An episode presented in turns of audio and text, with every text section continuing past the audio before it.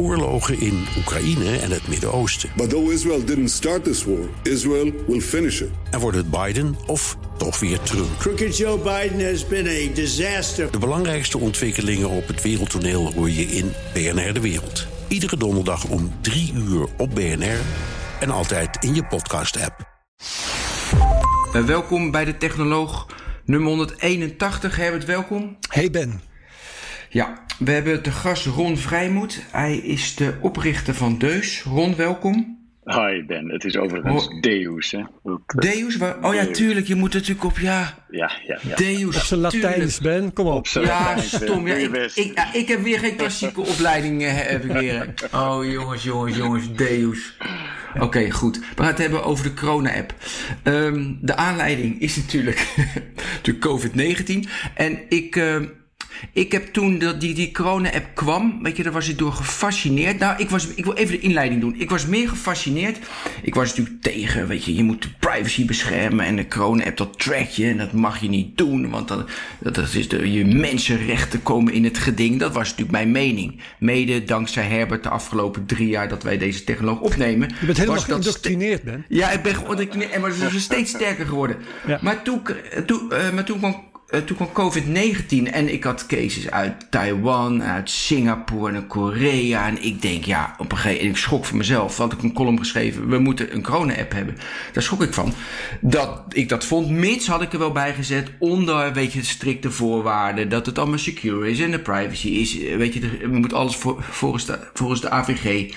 Nou, en toen kwam die hackathon. Ja, toen heb ik echt twee dagen heb ik met mijn oortjes in en met mijn YouTube heb ik gewoon twee dagen heb ik alles gevolgd. Ja, wat Dus ik was gebeurt hier? Wat, ge- wat een wereld is dat. En wat een opportunie. Ik was, bedoel, ik, de wijze zelf appbouwers. Nou, ik was zwaar teleurgesteld in de appbouwwereld. Ik denk, wat een opportunisten en wat een... Nou, mooi Nou, daar wil ik in deze opname dat- ook wel graag meer of- over horen van jou, Ben. Wat jij, wat jij dan precies gehoord hebt en wat jou zo tegenviel. Ja. Dus- nou ja, maar, maar voor eerst even gaan naar doen- Ron. Echt, Nee? Ja, voor de, oh, nee we, sorry. we gaan niet, niet naar Ron ook. Nee? Want we gaan Oh, eerst ook- even vertellen dat we een bericht hebben over een andere podcast. Dan hebben we Ah, dat alvast belangrijk. uit de weg. Nee, ja, maar dat is niet uit de weg. Dat is heel belangrijk. Ja, het is heel belangrijk. Daarom moeten we het nu uit de weg hebben. Anders dan moeten we Ja. dat hele belangrijke later. gaat over een andere podcast, Digital Heroes van KPN. Daar staan eh, alweer twee nieuwe afleveringen van voor je klaar. Gaan over de moderne werk- werkplek. Hoe je die met behulp van data nog slimmer kunt maken. Dat je software laat bepalen op welk tijdstip van je dag je het beste een vergadering kan plannen, bijvoorbeeld. Dat is dus Digital Heroes. Ehm, moet je naar luisteren te meer, omdat het is met onze collega John van Schagen. Dus dan is het goed. En Digital Heroes van KPN vind je in de BNR-app. En op al die andere podcastkanalen. Ook jouw favoriete podcast-app, daar zal die in te vinden zijn. Digital Heroes van KPN. Dat is dat, Ben. Top, belangrijk. Nou, maar ik ben dus twee dagen aan het luisteren. En dan was er één persoon. Ja, Ron, ik wil, dat is heel vervelend. Maar dat was jij, waar ik dacht van... Ja, weet je, dat, die, is, die, had, had een veel meer een ontwikkelings... Een, een onderzoekende geest. De anderen die zeiden van... Ik heb de oplossing, dat is het. En jij had een onderzoekende geest. Waar moeten we met z'n allen... En dat sprak me aan. En toen, een week later sprak ik je weer ook hierover. Toen dacht ik, ik ga je toch uitnodigen... om helemaal uit te diepen die corona-app... Moet die er komen? Is het een goed idee? Kan die er op een privacy en de mensenrechten, noem alle rechten die we hebben maar op, kan, die, kan het dan wel? En werkt het dan nog, hè? Werkt het dan nog? Ja. Is het dan nog zinnig om te doen? Nou, we hebben natuurlijk de Apple en de, en de Google initiatief voor die API die onlangs eh, is, eh, be- beschikbaar is gesteld. Ja. Dus Ron, welkom. Dankjewel. Ja, Mijn allereerste vraag, als ik hem mag stellen. Zeker. Eh, heb, moet er nog steeds, vind jij, een corona-app komen? Eh, het korte antwoord is, is ja. Eh, ik denk wel dat we ons heel goed moeten realiseren dat, eh, dat we de crisis niet gaan oplossen met technologie of met een app. En, en dat is denk ik een beetje fout gegaan in de, in de communicatie tot nu toe.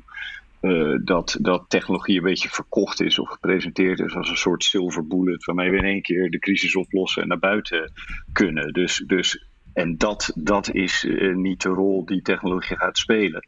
Maar het kan wel een hele belangrijke ondersteunende rol eh, spelen. Daar ben ik nog steeds van, eh, van overtuigd. Ja, even terug. Het is niet de silver bullet. Want toen we begonnen met We moeten echt, want ik vind de, de vind ik een unieke gebeurtenis in de geschiedenis van Nederland. En waarom? Omdat de overheid openstelt. Uh, nou, die zegt gewoon na twee dagen een appetonnetje hebben we een app. Daar begon het mee. En uiteindelijk was het van we laten iedereen meedenken. Dat, dat er meer dan 700 inschrijvingen waren met ideeën vind ik mooi. Dat doet Rutte nu weer met de jeugd. Dus dat initiatief was mooi. Alleen het was geframed toen. We hebben een oplossing na twee dagen. En dat ja, maar ik, ik, denk niet dat dat ooit gezegd is. Hè. Er, is er is op een bepaald moment een enorme media-hoos ontstaan. En, en daar is het bericht meer of meer naar buiten gekomen het plan was om altijd een kant-en-klare app te hebben. Nou, ik heb de briefing hier voor me liggen, de oorspronkelijke uitvraag, eh, uitvraag van het ministerie. En daar staat uh, of de, de, de, eigenlijk de, de aangeboden oplossingen of ideeën, of die voldoen aan de uitgangspunten, één. En of, uh, de, of productie rijp is. Nou weet ik niet hoe je dat kan definiëren. Maar voor mij is productie rijp niet dat je op het punt staat een app te lanceren. Maar dat je in staat bent om een productieversie te hebben die je gaan kan gaan testen, waarmee je kan gaan kijken van is er hier algemene acceptatie voor, hoe gaan we dit lanceren, et cetera. Dus dat, volgens mij is daar iets misgegaan in de communicatie. Het was volgens mij nooit de bedoeling van het ministerie om zeg maar de maandag naar de Appeton een app te gaan lanceren. Nee, ze wilden een POC hebben. Ze wilden een proof of concept op zondagavond hebben. Precies. En ze wilden 28 april wilden ze een app hebben. Dat staat in de briefing. Ja, ja ik heb de briefing niet voor, maar ik zeg dat uit mijn hoofd. Um, en die proof of concept mislukte dan. Natuurlijk is het in dat weekend gedraaid. Maar ik wil straks even hoe jij dat beleefd hebt met het indienen en zo. Hè? En in dat weekend is het, uh, is, het, is het gedraaid van... we hebben er veel van geleerd. Dat, is, dat was eigenlijk de draai. Nou, kijk, het is eh, ook, ook daar. De, de oorspronkelijke uitvraag was voor digitale oplossingen die een bijdrage zouden kunnen leveren aan de strijd tegen corona. Dus het was heel breed ingestoken. En zo zijn wij ook met het team eigenlijk die, die uh, uitvraag ingegaan. We hebben naar alle mogelijke digitale uh, support uh, mogelijkheden gekeken. Die hebben we op papier gezet eigenlijk tijdens dat paasweekend. Dus de uitvraag die kwam op de vrijdag, stond ik geloof ik in tender net op de donderdag. Uh, toen hebben we het hele paasweekend hebben we daar met z'n allen aan gewerkt. En de dinsdag na dat weekend moest het voorstel er liggen. En de maar dat betekent dus, Ron, als ik jou goed begrijp, dat je niet alleen een voorstel hebt gedaan voor een corona-app, maar ook voor allerlei andere digitale oplossingen. Hoor ik dat goed? Correct, ja, klopt. Wil ik dus wel meer over horen, wat je dan nog meer voor ideeën had? Oké, ja, leuk. Nee, de, de, dus er was een. Uh, het, was, het was eigenlijk onderverdeeld in drie hoofdvragen. Dus één, uh, één vraag was: zijn er slimme digitale oplossingen die een bijdrage kunnen leveren aan die bron- en contactopsporing? Dus mhm. ook daar ging het niet eens alleen over een app, maar het was meer: wat zou je nou allemaal kunnen doen om bron- en contactopsporing van de GGB, om dat digitaal te ondersteunen? De tweede vraag die ging over: hoe kunnen we nou zelf monitoring en begeleiding op afstand? Hoe zouden we dat beter kunnen doen? Ook weer met allerhande digitale oplossingen. En de derde vraag is, was eigenlijk een, een soort open bucket van wat zij nou nog meer kunnen doen in de strijd tegen corona. En, en hoe, kan digitale, hoe kunnen digitale middelen helpen om de economie weer op gang te krijgen. Dus het was heel breed ingestoken. Nou, ik vind dat op zich juist uh, heel goed dat het ministerie dat initiatief heeft genomen. Ze hebben dat volledig opengegooid. Ze hebben, nou, uiteindelijk hebben ook 750, geloof ik, digitale specialisten in Nederland hebben voorstellen uh, kunnen inleveren. Nou, dat was voor iedereen een verbuffelen, want je moest, je moest dat paasweekend uh, moest je door. Ja. En vervolgens hebben ze het net opgehaald en had, had het ministerie had in één klap had een geweldig overzicht van alle mogelijkheden. En in plaats dat ze toen de deur dichtgegooid hebben en gezegd, nou dan gaan we, gaan we, gaan we dat intern eens even behandelen, hebben ze gezegd voor één van die onderwerpen, namelijk het eerste stuk, die bron- en contactsporen, gooien we het meteen helemaal open. We maken laten een selectie maken door specialisten. En op basis van die selectie gaan we zo'n compleet publieke uh, uh, appathon organiseren, zodat iedereen mee kan kijken, mee kan denken over die ideeën die we opgehaald hebben. Hoe mooi wil je het hebben? Weet je, en hoe, nou hoe openbaar wil je het hebben? Dus ik vind die start vind ik niet slecht. alleen de communicatie eromheen ja, dat, dat is op een bepaald moment is het daar mis gaan lopen. En ik heb een paar keer ook tijdens het weekend heb ik de presentator horen zeggen van luister jongens, de bedoeling is niet om hier met een kant-en-klare app naar buiten te wandelen. De bedoeling is om te kijken wat is er, wat zijn er aan mogelijkheden en hoe kunnen we dat zo snel mogelijk lanceren. Want natuurlijk is er haast, uh, is er haast bij. Ja. Maar er is op zich wel, uh, kijk, die openheid, dat is hartstikke mooi. Maar het was toch een grote misrekening dat je het in het openbaar even over 700 inzendingen kunt uh, gaan hebben. Nee, dat, nee, uh, maar het openbare stuk ging niet over die 700 inzendingen. Die, het openbare stuk, dus die 750 ja. inzendingen, die zijn geëvalueerd door een groep van, ik dacht, 40, 50 specialisten. Die specialisten die zijn door het ministerie uh, neem aan op basis van eerdere ervaringen zijn die uh, geselecteerd. En dat waren specialisten op het gebied van security, specialisten op het gebied van ja, privacy. Brenno de Winter zat erbij, die later ja. zich terugtrok. Ja, ja nou, er precies. zijn een aantal daarvan in zo'n groep. Het was een groep geloof ik van 50 man. Ja, dan zijn er altijd een paar die zeggen na een tijdje van nou nee, hier wil ik niet aan meedoen. Maar Mhm. mm. er is uiteindelijk door die groep van specialisten is er een evaluatie gemaakt. En die hebben die selectie gemaakt voor dat ene specifieke onderdeel. Ja, Dus- ik dus dacht het dat is daar wel dat- wat... en- Nee, oké. Maar nog even over die selectie. Want ik stuurde Herbert toen uh, ook, ik heb er nu even opgezocht, dus wel de uitvraag. En daar staat bijvoorbeeld uitgangspunten en voorwaarden alle voorstellen. Ja. Dan moet je aan de NCSC-TLS-richtlijnen voldoen. Uh, je moet de standaarden informatiebeveiliging zorg NEN 7510 en NEN 7512 en NEN 7513. Nou, ik zit in deze industrie Oh ja, en ook de softwarekwaliteit aan de ISO, IEC. Nou, Deus zal er allemaal aan voldoen. Uh, en, maar ik weet dat van die meer dan 700 in bijna niemand voldoet eraan. Dus toen dacht ik al van, ik stuurde het naar Herbert. Ik zeg, Herbert, hoe gaan ze dat doen? Dat vond ik al opportunistisch. En apart. Nee, maar kijk, daar, daar, hoe kijk daar jij ernaar? Nou, je moet kijken hoe je daarmee omgaat. Kijk, wij wisten voor de. Wij hebben uiteindelijk. eh, Wat, wat wij eigenlijk gedaan hebben, we zijn met ons technisch team. Die hebben we vanaf die, die donderdag hebben we die aan het werk gezet. En die zijn een, een audit gaan doen wereldwijd van alles wat er met name op open source eh, beschikbaar was. Dus wat Ja. hebben de grote universiteiten wereldwijd, wat hebben die ontwikkeld in de afgelopen maanden? Waar zijn verschillende landen mee aan het testen? Dus er is een audit gedaan. En uiteindelijk kwamen wij met één protocol, of ons team kwam eigenlijk terug met één protocol. En zeiden, nou, we hebben naar alles gekeken, we hebben doorgelicht, we hebben doorgetest. Wij denken dat dit het protocol het meest robuust is om een, eh, een, een bron- en contactonderzoek app op te gaan, gaan bouwen, op te gaan ontwikkelen. En dat, eh, Dat was een goede keuze, hè? De En dat was achteraf- DP3T. T- DP3T. En het lijkt erop, als je ook nu kijkt naar adoptie in andere Europese landen, dat dat protocol inderdaad nou, ja, het, het protocol is wat de meeste landen gaan, eh, gaan overnemen. Maar, ja, kun je even maar uitleggen? je- Ja, is straks de nuance dat andere Ja. protocollen. Maar eerst nog, gaan we eerst op, die, uh, gaan we eerst op de protocol in? Ja, maar ik wilde één, je- ander ding zeggen, Ja. Ben. Want jij zegt van ja, hoe ga je dan aan al die voorwaarden voldoen? Wij hebben vervolgens gezegd, oké, die code, die open source code en die applicatie, die voldoet eigenlijk aan de criteria zoals die zijn gesteld. Als het gaat om privacy, eh, geen locatiemonitoring, et cetera. We hebben ook heel duidelijk gecommuniceerd, luister jongens, als het gaat om het back-end stuk, zal dat bij de overheid zelf eh, moeten worden opgetuigd en zal dat moeten voldoen aan alle criteria. En wat wij gaan doen voor het Appathon weekend is we gaan even een testversie optuigen en daarmee gaan we ook even een test backend optuigen. En wees je ervan bewust dat, dat die testomgeving nog niet aan die veiligheidscriteria zal voldoen. Dus zo, zo zijn wij uiteindelijk zo hebben we die vraag beantwoord en heel duidelijk gemaakt welke onderdelen wel voldoen en welke onderdelen niet voldoen. Ja, nee, ik heb niet voor niks jou uitgenodigd. Want ik was onder de indruk van jouw benadering en niet van de andere benadering. Dus daarom. Dankjewel. eh, Eh. ja, nee, oké. Maar nu even over het protocol. Eh, eh, dus wat doet dat precies? En waarom, wa- waarom die keuze? Nou, het, protocol is, is ontwikkeld door een zevental universiteiten in, eh, in Europa, waaronder de Universiteit van Oxford, TU Delft heeft er ook aan, aan meegewerkt. En eigenlijk was, was het uitgangspunt daar was, dat je, dat je een, een bron- en contactopsporingsapplicatie eigenlijk alleen maar geaccepteerd zou kunnen krijgen als die eh, geen locatie trackt eh, en geen eh, persoonsgegevens opslaat of uitwisselt omdat nou, iedereen binnen Europa zich bewust is dat we dat als Europese burgers eigenlijk niet, liever niet willen. Dus wat die applicatie doet, of wat dit protocol op dit Protocol, moment ja. doet, is eigenlijk het, het opslaan van anonieme tokens. Op het moment dat jij door de stad wandelt en je komt langere tijd in de buurt van een andere telefoon die ook die app heeft draaien. Dan wisselt hij een anonieme token uit. En die anonieme token die slaat hij voor een bepaalde periode in jouw telefoon op. Dus niet op een server van de overheid, maar alles gebeurt eigenlijk gedecentraliseerd op de telefoons.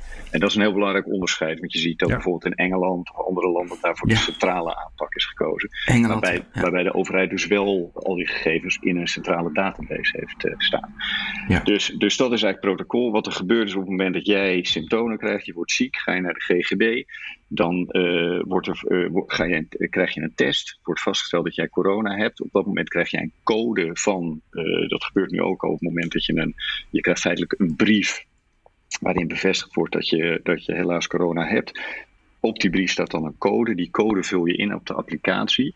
En dan zoekt uh, jouw telefoon, die zoekt of die contact eigenlijk die anonieme tokens, of de telefoons die, die die anonieme tokens hebben gedeeld.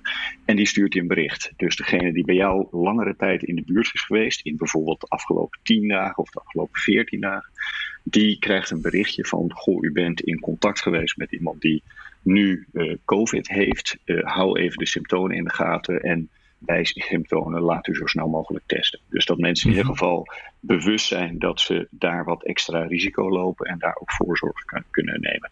Nou, nogmaals, om jouw allereerste vraag te beantwoorden. Ik denk dat zo'n protocol en dat functioneren, dat dat wel degelijk zou kunnen helpen in mensen wat bewuster maken, wat voorzichtiger te maken. Dat ze die, op het moment dat ze zo'n bericht krijgen, even niet uh, te veel in contact komen met anderen. Even een paar dagen een stapje terugnemen. En dat, dat is ja. de manier waarop het werkt.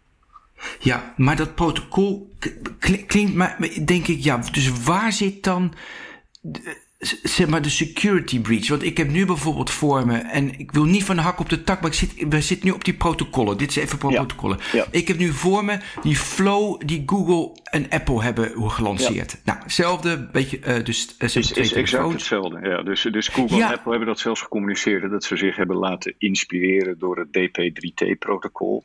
En dat deel van, van het functioneren van de app die wij voorgesteld hadden, dat deel wordt nu eigenlijk gehandeld door, uh, de, door de Android en, en iOS versie. Dus dat deel van de code, daar kan, kunnen de overheden straks de Google en, en, en Apple oplossing gaan gebruiken. Ja.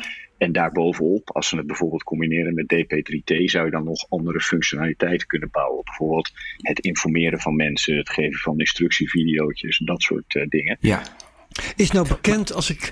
Uh, oh, heb het mag heel. Ja, nee, ga je oh, ik, moet, ja. ik moet heel even afmaken. Okay. Want ja. kijk, de, want de flaw die ik kan voorstellen dat de Bits of Freedoms van deze wereld en alle privacy experts en, en Herbert Blankenstein zullen zeggen van je, nee sorry Herbert nee, dus, je, dus je bent positief dan gaat dus dan, uh, dan stoor je volgens dat plaatje stoor je dat wel op een server en dan gaan dus de privacy experts zeggen ja hey je bent positief dat, nee, maar je stoort het niet op een server, je stoort het op de telefoon. Dus de, de, je geeft die code in op je eigen telefoon.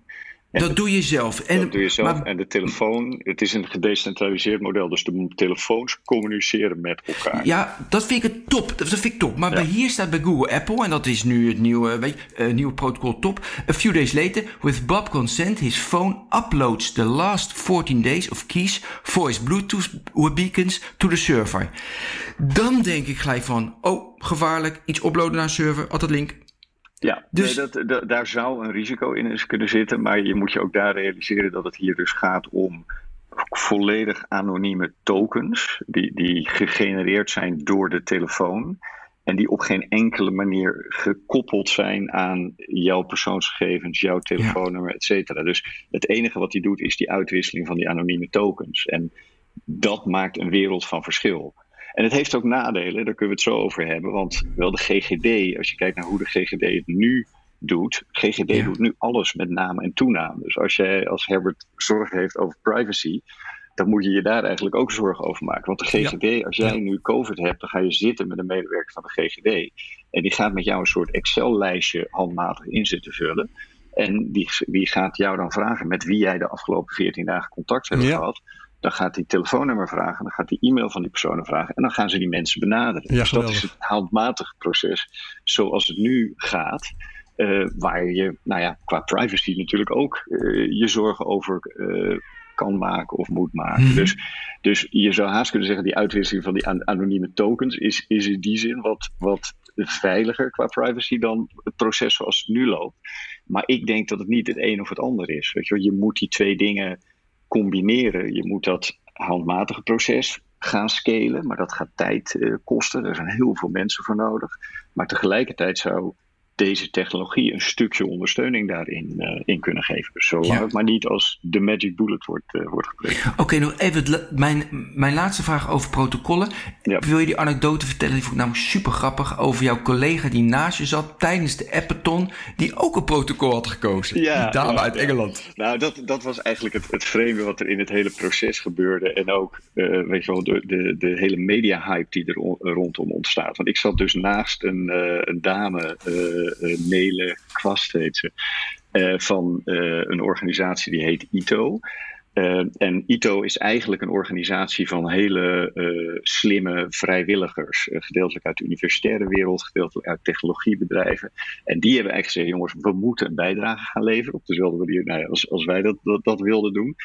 En die zijn met die groep vrijwilligers, die hebben deelgenomen aan, een soort hackathon in Duitsland. En naar aanleiding van die hackathon hebben ze die groep vrijwilligers opgericht. En die hebben gekozen voor TCN-protocol. Nou, TCN is ook weer vanuit universiteit ontwikkeld.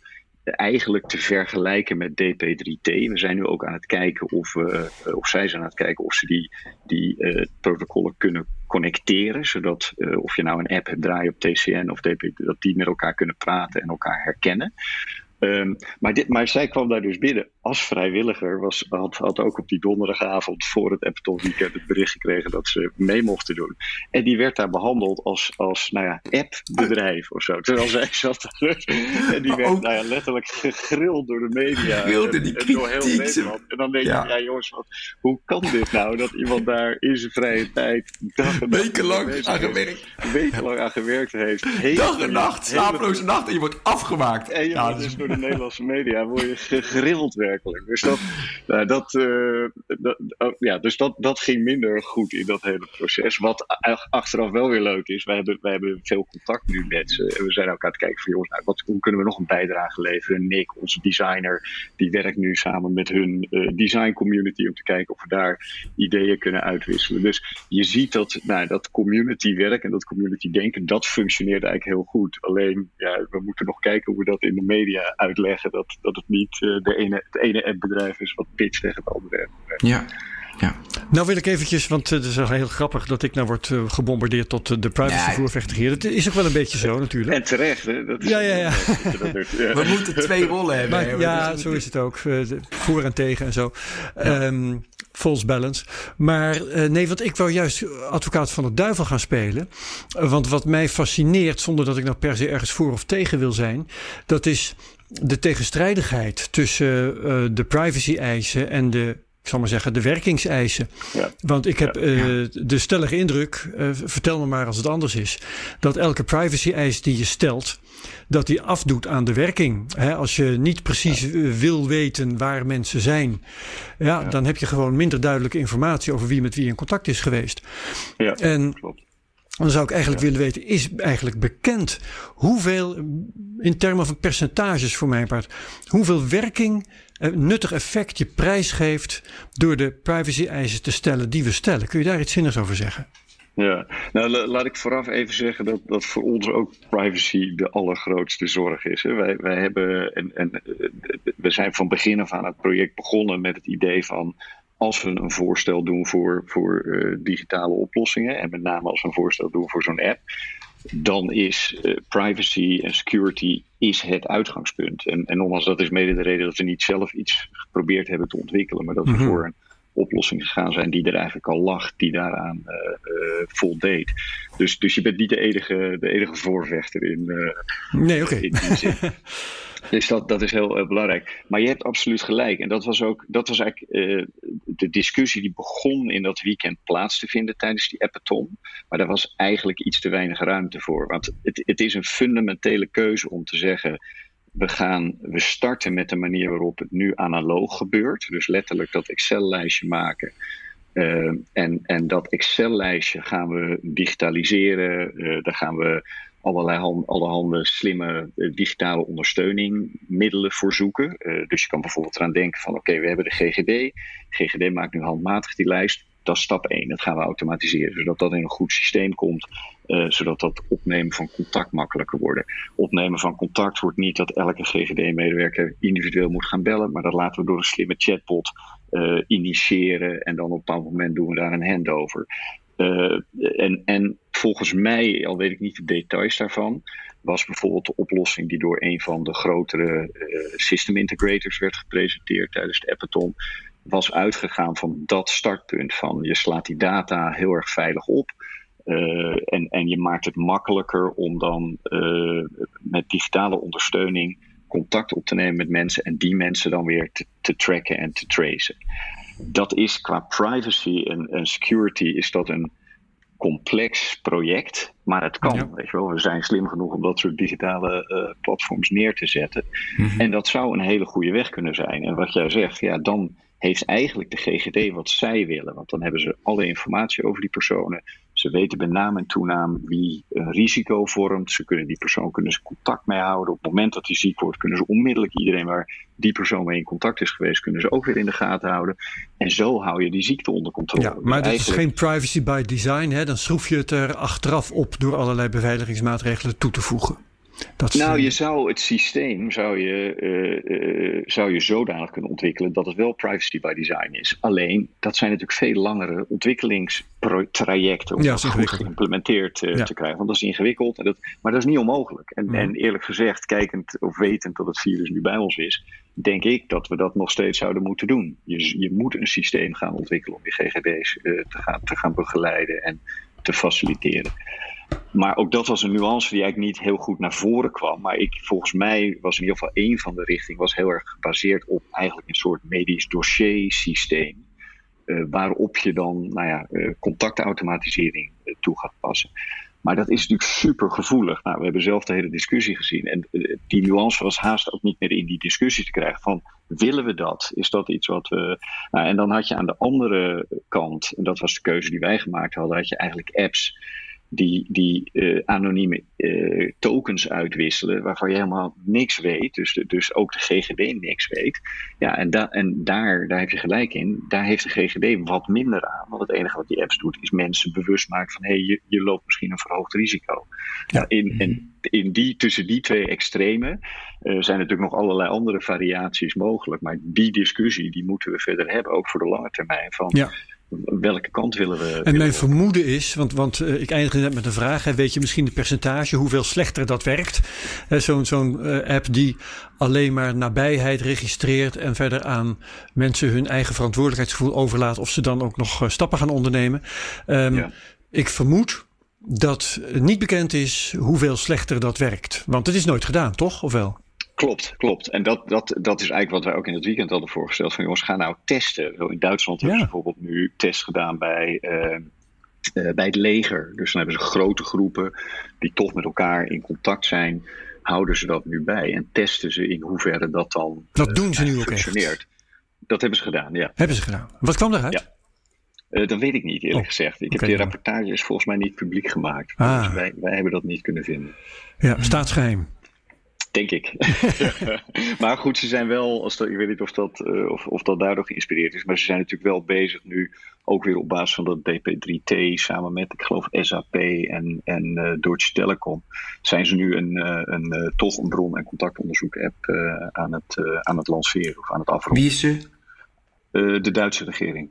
Oh, Duitse regering. Ja, dus, in, uh, dus, dus op basis van dat DP3T-protocol uh, ja. is nu Duitsland uh, bezig. Is, ehm, Oostenrijk heeft besloten om te wisselen naar DP3T, dus die zijn daar druk mee bezig. Zwitserland heeft die keuze gemaakt. Estonia heeft die keuze gemaakt. Dus die landen gaan allemaal voor, voor die implementatie.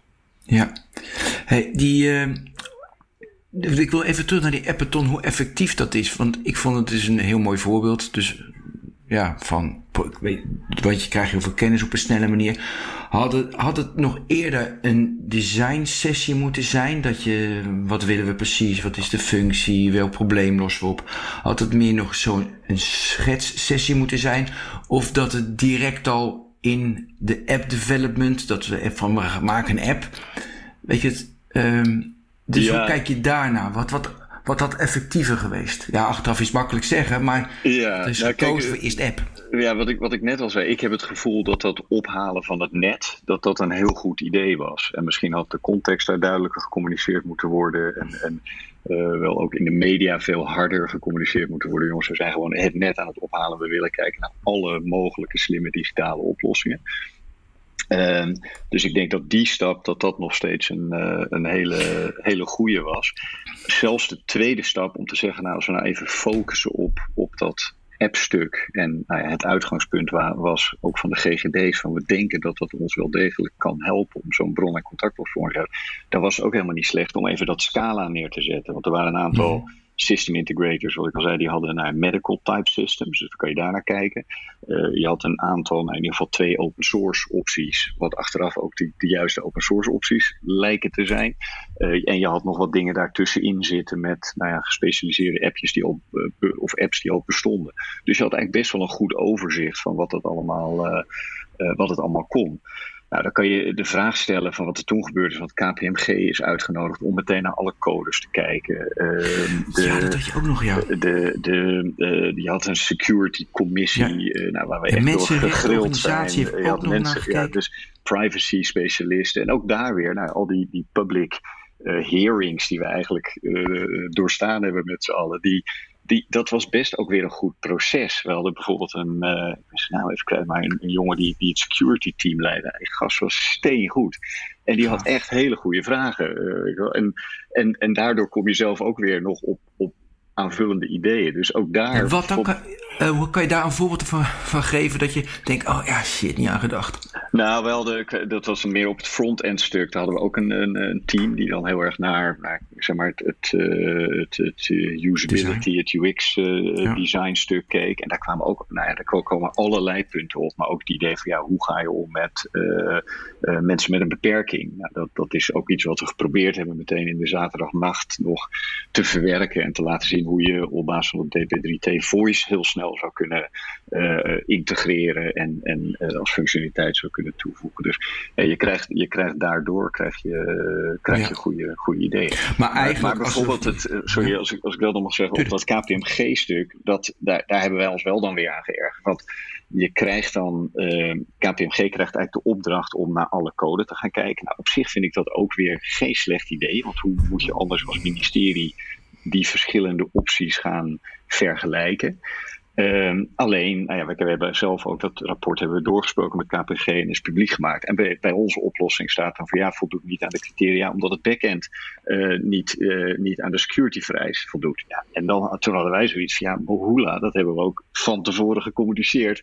Dat we niet in twee dagen tijd een uh, overheidsserver ja. na kunnen bootsen met alle, alle security. En toch, hè, ik vind het allemaal, aan de ene kant vind ik het prachtig, al die menselijkheid en al het denken aan belangrijke dingen en zo. Ja. En ik stap toch weer even helemaal uit mijn rol. Want ja. um, als je al dat overleg, uh, al, al, al die verantwoorde beslissingen, al dat polderen, hoe kan daar ooit snel genoeg iets uitkomen dat werkt? En dan word je toch jaloers op een dictatuur die gewoon zegt: wil alles voor jullie weten. En we, we gaan, gaan naar China, jongens.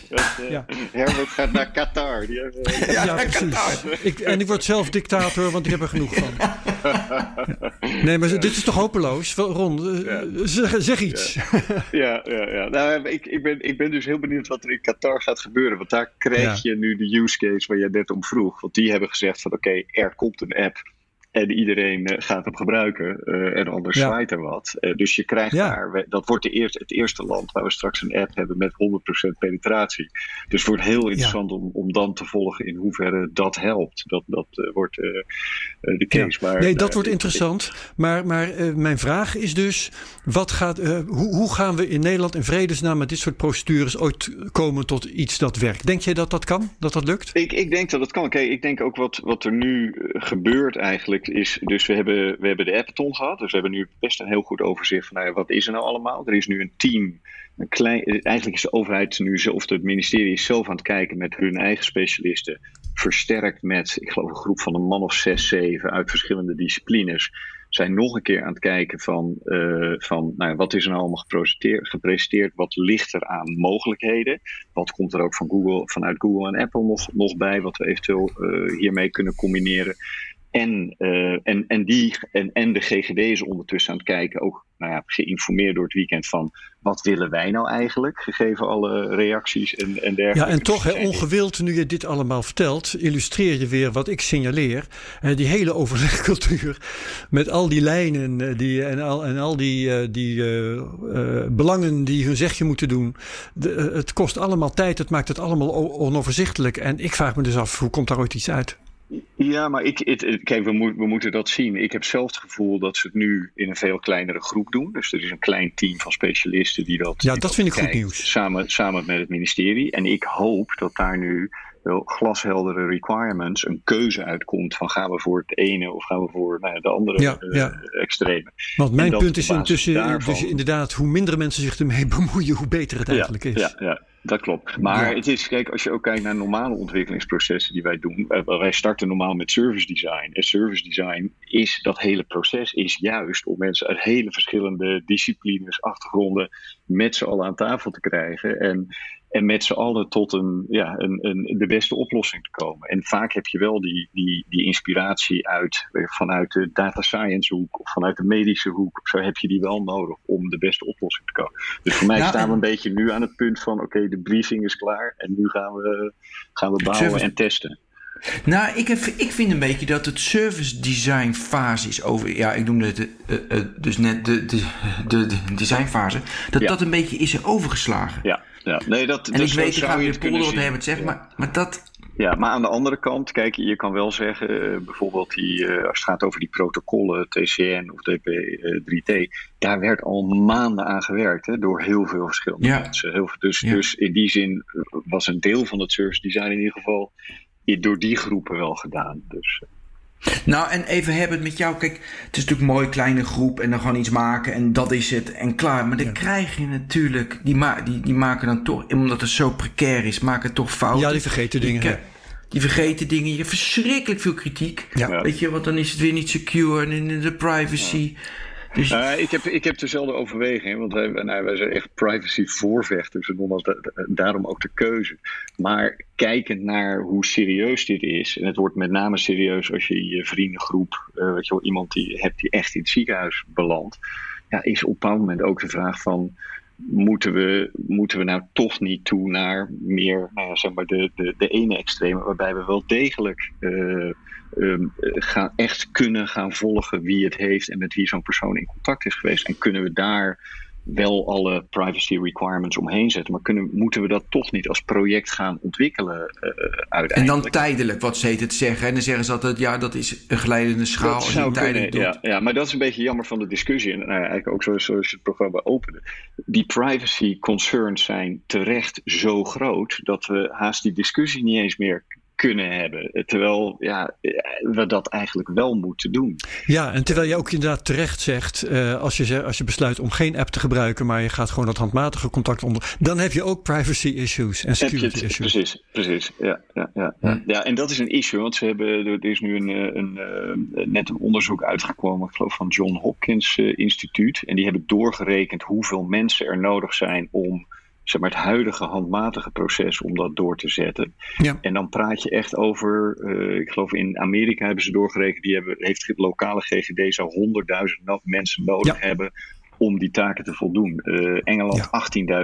18.000 mensen en in Nederland in ieder geval meer dan 5000 medewerkers. Nou, de, ja. Ik weet niet hoe ver, hoe ver de GGD nu precies is, maar, maar daar zijn we nog heel ver vanaf om goed getrainde mensen. Ja, en, en dan krijg je ook coördinatieproblemen en traagheid en alles. Ja, en het is eigenlijk heel gek dat we, ja, dat we, dat we dan niet inderdaad kijken van jongens, hoe gaan we dat nou op een goede manier met, met technologie begeleiden, eh, ja. ondersteunen, zodat we nou ja, niet naar 10.000 man moeten gaan scalen om dat allemaal, ja. uh, allemaal bij te Mag ik eens een hele gewone en die, en die discussie moet er komen. Dat, ja, dat vind ik heel jammer. En dat is eerlijk gezegd van mijn kritiek ook naar onze digitale industrie. Weet je wel, wij zijn ook zelf, als je zag wat er allemaal gepost werd over Deus in dat weekend. En weet je wel, ja. ook door collega's in de industrie van ja, uh, er doen geen mobiele specialisten mee. Ja, hallo, we hebben uh, elf jaar lang apps ontwikkeld voor de allergrootste bedrijven ter wereld met, met het Deus team. Uh, er zit geen, weet je wel, er zit geen enkele specialist bij.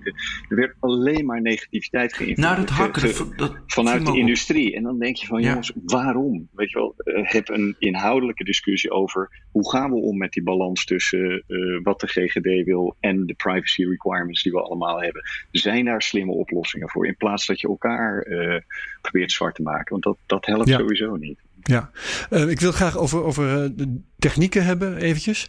Um, want uh, Ben heeft de protocollen ter sprake gebracht. Nou, dat, dat groeit dan naar een bepaalde voorkeur toe, begrijp ik.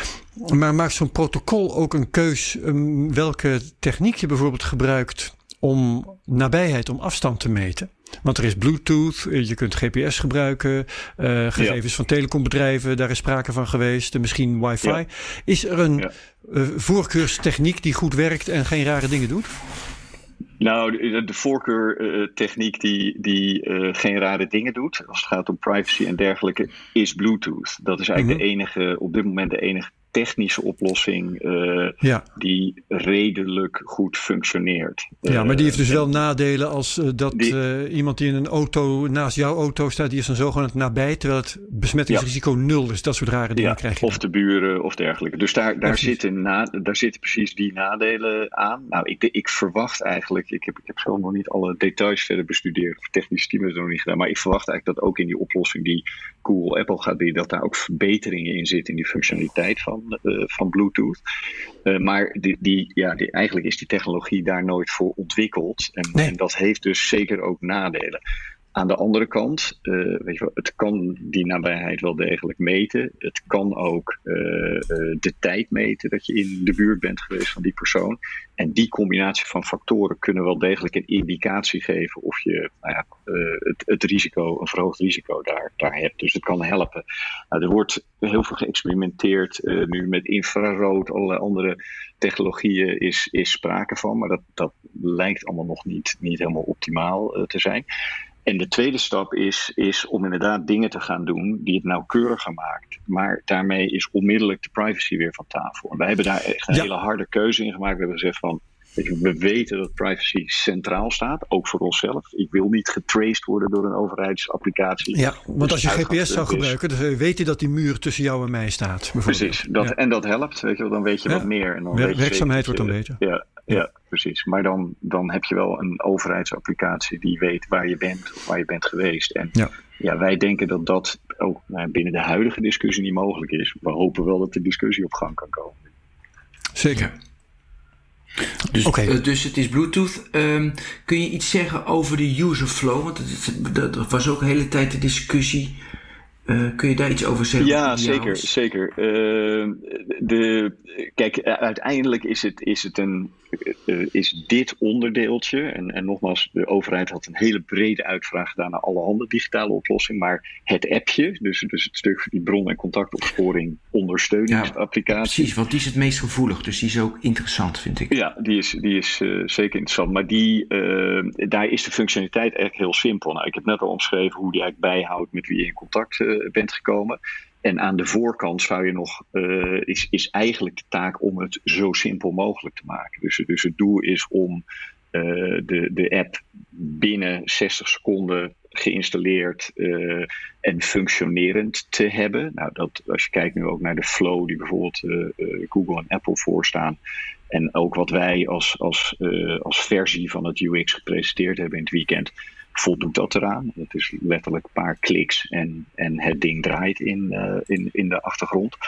Um, ze hebben nu overigens, dat is wel interessant, binnen die expertgroep heeft, uh, heeft de overheid echt een paar serieuze talenten ingehuurd. Joris Lekker, uh, Leker die werkt eraan mee, Jelle Prins werkt eraan mee. Nou, die jongens die, die waren al heel actief in ook daar weer een soort open UX community waarin heel veel ideeën worden uitgewisseld. Was ook wel grappig, want tijdens het weekend had Nick Muller, onze design director, heel veel contact met uh, Joris. En met allerlei ideeën werden daar uitgewisseld. Dus, dus je ziet ook dat, dat het ministerie daar toch goed ingevoerd is. En ook de juiste mensen daar, daar kiest om naar te kijken. Ja, Jelle Prins had op Medium de flow, had, dat zal ik trouwens in de show notes zetten, had hij helemaal uitgewerkt. Ja, uh, ja, ja. Is, ja, Nou, er is dat, ik, ik neem aan dat je dat bedoelt, die onezero.medium.com. Dat, dat, uh, ja, die ja. Da, dat is inderdaad de, de, de, de, versie die nu gepresenteerd wordt. En ja, dat, is, dat, ziet er allemaal heel goed, uh, dat ziet er allemaal heel goed uit.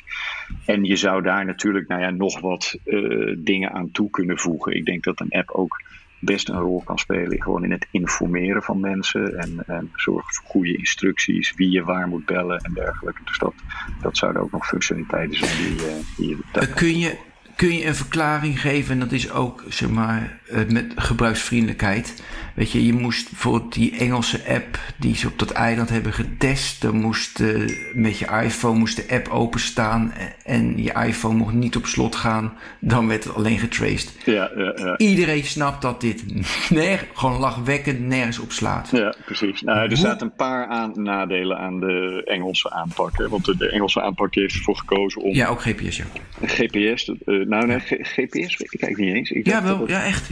Ja, okay. ik zal het in de show notes zetten. Oké, ik, okay. ik zat er toevallig op te zoeken. Want wat ik wel weet is dat zij dus een, een uh, centralized approach hebben geko gekozen. Dus, dus er wordt nou ja, informatie centraal opgeslagen in plaats van op de uh, telefoons.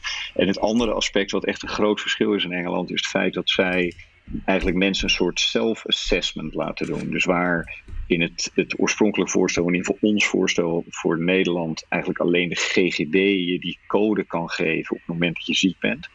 Dan werkt het in Engeland nu zo dat je eigenlijk zelf je symptomen aangeeft. En bij bepaalde symptomen triggert hij dan van hé, hey, je bent coronapatiënt. En dan uh, gaat hij iedereen waarschuwen. Dus, Zo, is ook, dus de app stelt een diagnose? De app stelt een diagnose, ja. Wow. ja. Dus dat is. Jongens, en dat, geen en dat GPS. Is ook, en dat is ook. Nee, geen GPS. Wel, dat nee, ja, ja, precies. Ja. Maar, wel, ja, maar wel centraal. Daar was ik mee in de war. Ja, klopt. Ja, ja.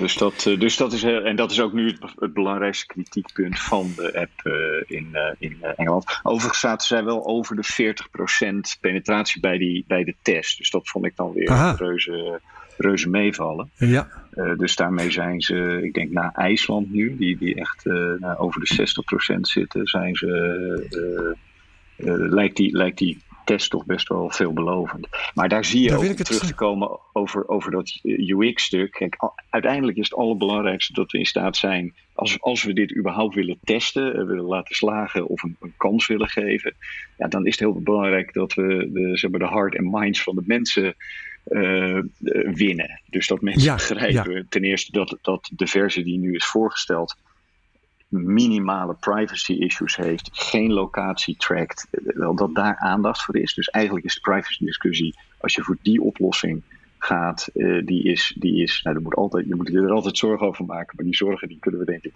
wegnemen met die, eh, met die oplossing. En vervolgens moet heel goed gecommuniceerd worden hoe het allemaal past in alle andere maatregelen die we nemen. En dat dit niet de oplossing wordt waarmee, waarmee we ineens allemaal naar buiten kunnen. Nee, dat alleen maar een bijdrage. kan helpen. Ja. Precies. Maar daar wil ik het wel over hebben, want ehm, is nou eigenlijk bekend, volgens mij is er alleen maar natte vingerwerk, maar eh, eh, zeg het maar als ik het mis heb, eh, hoeveel procent installaties je nodig hebt om echt een eh, duidelijk effect te bereiken. Ja, het, het enige wat wij hebben kunnen vinden, in, in, maar dat is denk ik op basis van dezelfde searches die jij doet, is, is die 60% die maar Ja, ik ook, terug ja. blijft komen. En, Ja. en, Ja. ja, wij, wij hebben daar eerlijk gezegd geen, geen basis Dat voor. is gewoon een slag in de lucht. Dat is, nou ja, dat, ik neem aan dat dat wel op onderzoek gebaseerd is, maar, maar hoeveel en waar, dat, zou- dat zou ik nog Ja, even goed moeten, en dat is dus de vraag wat je nodig hebt om effect te bereiken. Wat trouwens ook weer afhangt Ja. van, eh, van eh, welke eisen je stelt hè, op het gebied van privacy en al die andere, andere dingen meer. Maar een volgende slag in de lucht is hoeveel je werkelijk gaat krijgen. Als je Ja. de, de aanvullende eis nog een keer stelt dat het vrijwillig moet. En Ja. eh, ik hoor Nee, jou is, zeggen eh, 40% IJsland, 60% ergens anders of andersom. Eh, Qatar ja. 100%. Ja, nee, oké. Ja, ja. Maar in ieder geval, dus we, we gaan wat dat betreft ook weer praktijkexperimenten doen. Ja. Maar eh, ik begrijp dat in Singapore, waar ze toch ook wel een beetje aan de privacy hadden gedacht, want daar hadden ze ook iets decentraals, die app die ze daar Ja. hadden, die trouwens open Ja. source is, dus die kun je zo gebruiken, eh, dat ze daar niet verder kwamen dan 10%. Ja, nou 20 had ik gehoord, maar, maar dat is inderdaad, dat, dat zie je ook. Maar ja, dus dat, dat is een issue. Kijk, ik, ik, ik denk dat IJsland bewijst dat als je het goed communiceert, in de juiste context zet, dat je wel degelijk, eh, wel, iedereen wil hier natuurlijk vanaf. En we willen meer Ja. bewegingsvrijheid en we willen wel degelijk geïnformeerd worden als we met iemand, eh, in, bij iemand in de buurt zijn geweest. Ja, Die, eh, ik denk dat iemand dus, in- eh, op een of ander gouden idee moet komen om hier aan gamification te doen of een hele slimme beloning uitloven of Ja. de juiste influencers, weet ik veel. Ja. Iemand moet een gouden idee hebben om iedereen Ja. te overreden dit te installeren, toch? Dat ben ik helemaal met je eens. Dus er moet een waanzinnig goed testprogramma komen. Wij zijn heel erg voor nou, die, die aanpak wat ze in Duitsland al geprobeerd hebben met het leger, een provincie, een stad. Laten we gaan experimenteren en gaan, uh, gaan leren. Wat een hele interessante is, wij, wij hebben nu een, een soort, uh, we lopen een aantal gesprekken met bedrijven over hoe ga je nou back to business uh, digitaal ondersteunen met mm -hmm. middelen. En dan kan je denken aan nou, vergelijkbare oplossingen, ook weer nou op basis van hetzelfde protocol, wat binnen je bedrijf draait. Ferrari heeft daar bijvoorbeeld nu een experiment mee gedaan, waarbij ze iedereen de app laten gebruiken, zodat als ze een geval hebben, dat ze in ieder geval weten waar is die binnen het bedrijf geweest, met wie is die langere tijd in contact geweest en op die manier hopelijk zaken sneller kunnen detecteren en controleren. Maar je kan ook denken aan uh, weet je wel, temperature screening geautomatiseerd als je binnenkomen. Uh, uh, visitor density monitoring. Dus hoeveel mensen staan, zijn er op bepaalde locaties en dan alerts geven. Dus, dus je zou ook nog kleinschaliger juist binnen bedrijven kunnen gaan testen en, en, en op die manier nou ja, sneller teruggaan naar het werk. Als je, als je blijft bij het appgebied, dan, dan, ja. is, dan is. Want je hebt natuurlijk allemaal een beetje technische oplossingen, maar je blijft bij app. Wat werkt wel? Is dat eigenlijk alleen maar zeg maar, technische ondersteuning om het coronavirus te bestrijden? Dan kom je toch snel op Qatar, dus als het niet privacygevoelig maar wel, dus wel in acht nemen van je privacy. Wat werkt dan wel? En wat er nu nou, al is, wat er nu al is. Ja, ik denk als je kijkt naar een, een IJsland aanpak, of als je kijkt naar uiteindelijk wat uh, zeg maar, het protocol zoals het, er nu, zoals het nu voorgesteld wordt. Um, dan de, en, en ervan uitgaande dat, dat dat heel goed gecommuniceerd wordt. Dat mensen zich echt bewust zijn van hoe, zit het, hoe werkt dit nou echt. En, en zich bewust worden van het feit dat dit ding dus niet je locatie trackt, geen persoonsgegevens opslaat. Dan denk ik ja. dat je die penetratie best wel op een hoog niveau kan krijgen. Maar dan, ja, dan moeten we wel met z'n allen daar achter gaan staan. En ook in de media moet dan het volledige verhaal verteld worden. Dat, dat, dat we die keuze gemaakt, uh, gemaakt ja. hebben. En die oplossingen met die QR-codes, zoals in China, volgens mij nog een paar nou ja, dat is, dat is het andere extreem. Dat is weer terug naar hoe gaat het nu analoog en hoe kunnen we een systeem bouwen wat, wat, uh, wat echte GGD's dan uh, gaat helpen. Maar wat dus de consequentie heeft dat je bij naam en toenaam mensen gaat gaat monitoren. Want in, weet je wel, in, in China, die oplossing die ze daar gekozen hebben, ja, die is, die is wat mij betreft ook persoonlijk niet acceptabel. Want daar is de weet de overheid dus, ben ja. ik ziek, ben ik niet ziek, waar ben ik? En ik krijg een soort, uh, als ik code rood heb of code oranje zelf, dan kan ik niet eens meer betalen met mijn mobiel. Uh, als ik word geblokkeerd. Ja. Nou, dat, dat is een situatie waar we in Nederland nooit naartoe willen. Maar ik zou wel bereid zijn, ook als burger, om, om als dat heel goed en zorgvuldig gebeurt, te gaan kijken van hoe kunnen we nou dat huidige analoge proces, hoe kunnen we dat beter inrichten. Ja. ja.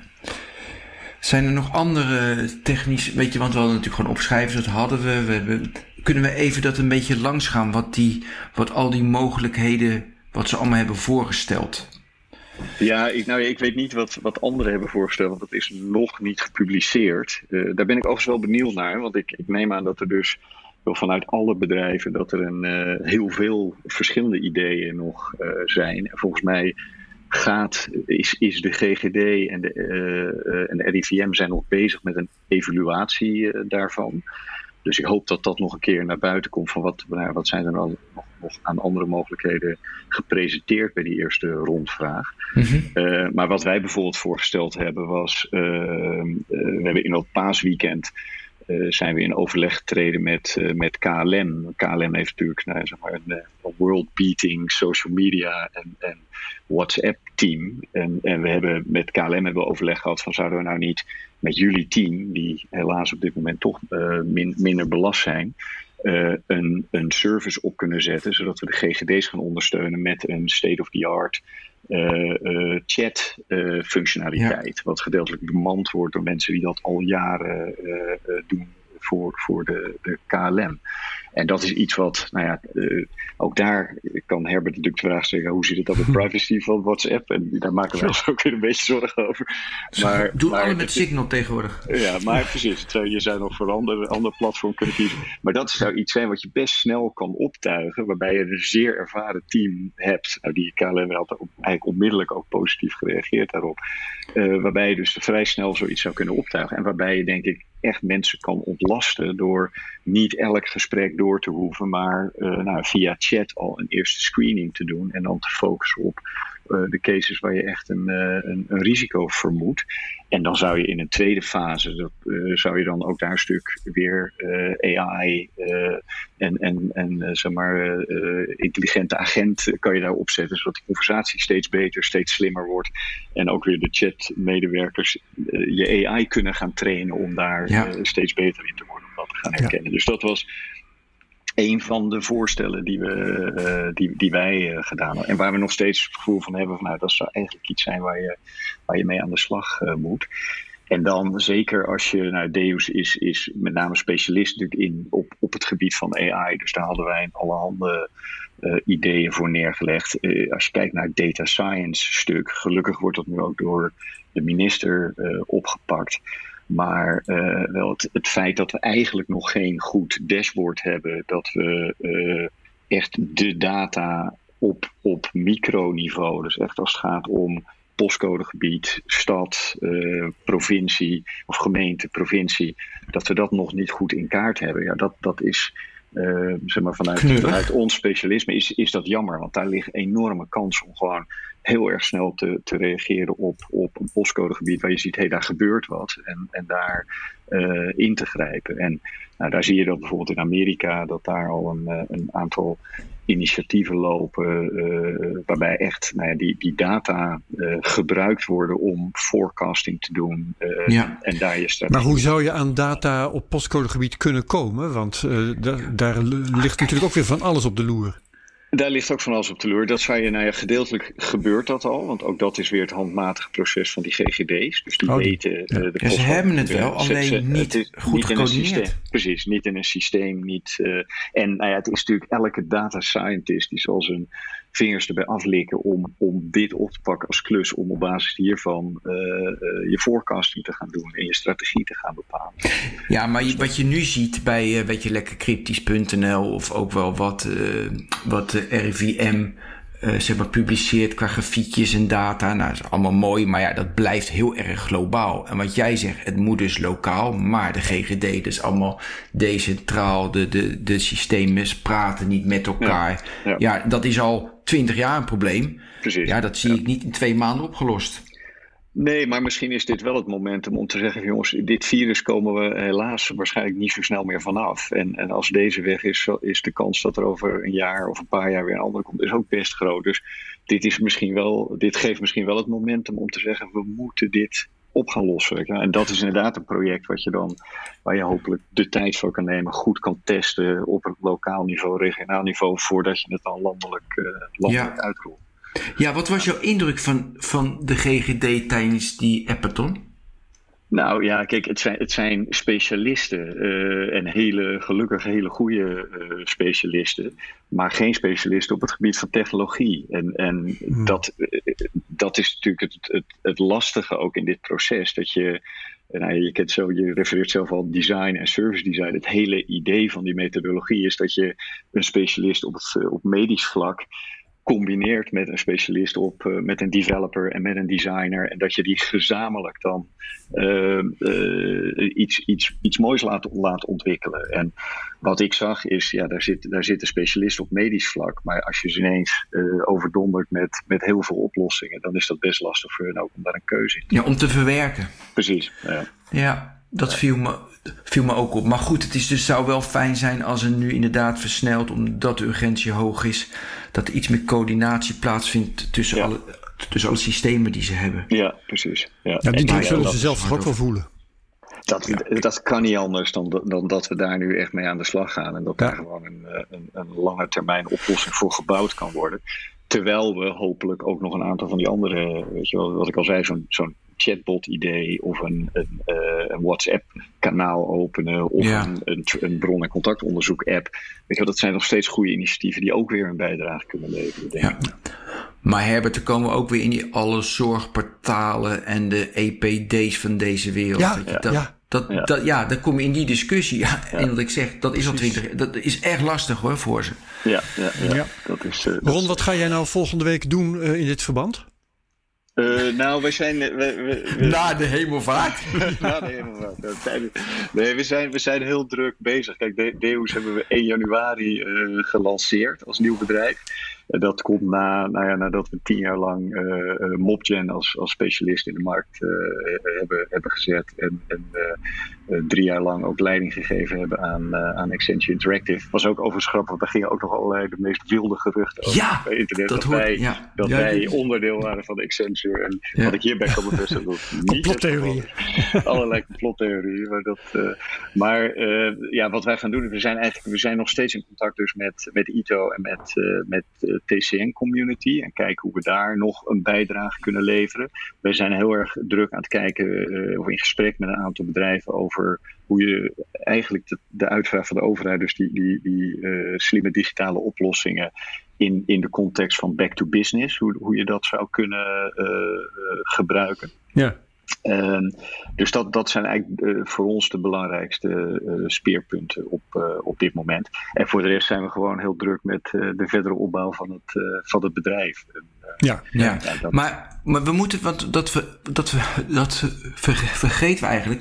Er zijn natuurlijk heel veel initiatieven al. Weet je, in, in, in Leiden, die app, weet je, de, de radar, de COVID-radar. Ja. Hoe kijk je daarnaar? Dat is toch ook allemaal netjes. Ja, ik vind het allemaal zo klein. Het is allemaal probeersels. Ja, maar... Nee, maar, maar dat zijn, zijn. Kijk, het zijn allemaal verschillende deelgebieden. Dat, dat gaat, dat, helaas gaat dat ook een beetje verloren vaak in de discussie. Want iedereen heeft het over de corona-app. En voor mij is dan de vraag: welke corona-app? Ja, je, hebt zijn, een, uh, je hebt een OLVG-app. Uh, maar dat is eigenlijk de app die, die antwoord gaf op vraag 2 van de overheid: van hoe kan je zelfmonitoring en begeleiding op ja. afstand doen? Uh, dat is prima voor. Ik denk dat dat een prima basis is. Daar is ervaring opgebouwd. Nou, daar zou je heel goed voort kunnen bouwen voor dat onderdeel.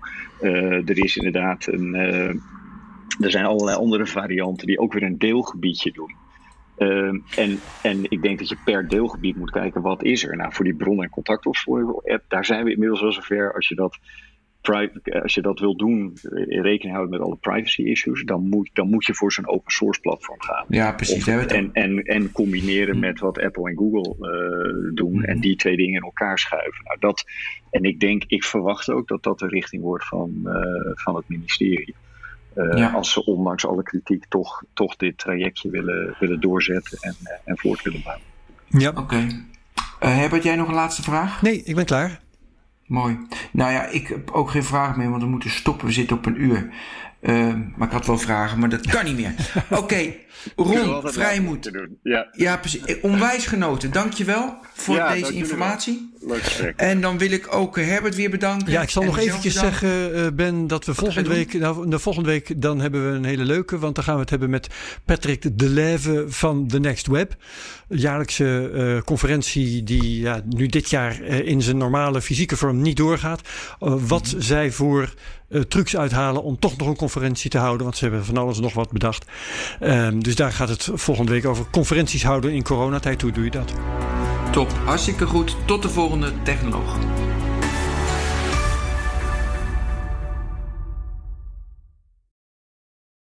Ook Diana Matroos vind je in de BNR-app. Ja, inderdaad. Je kunt live naar mij luisteren tijdens de Big Five.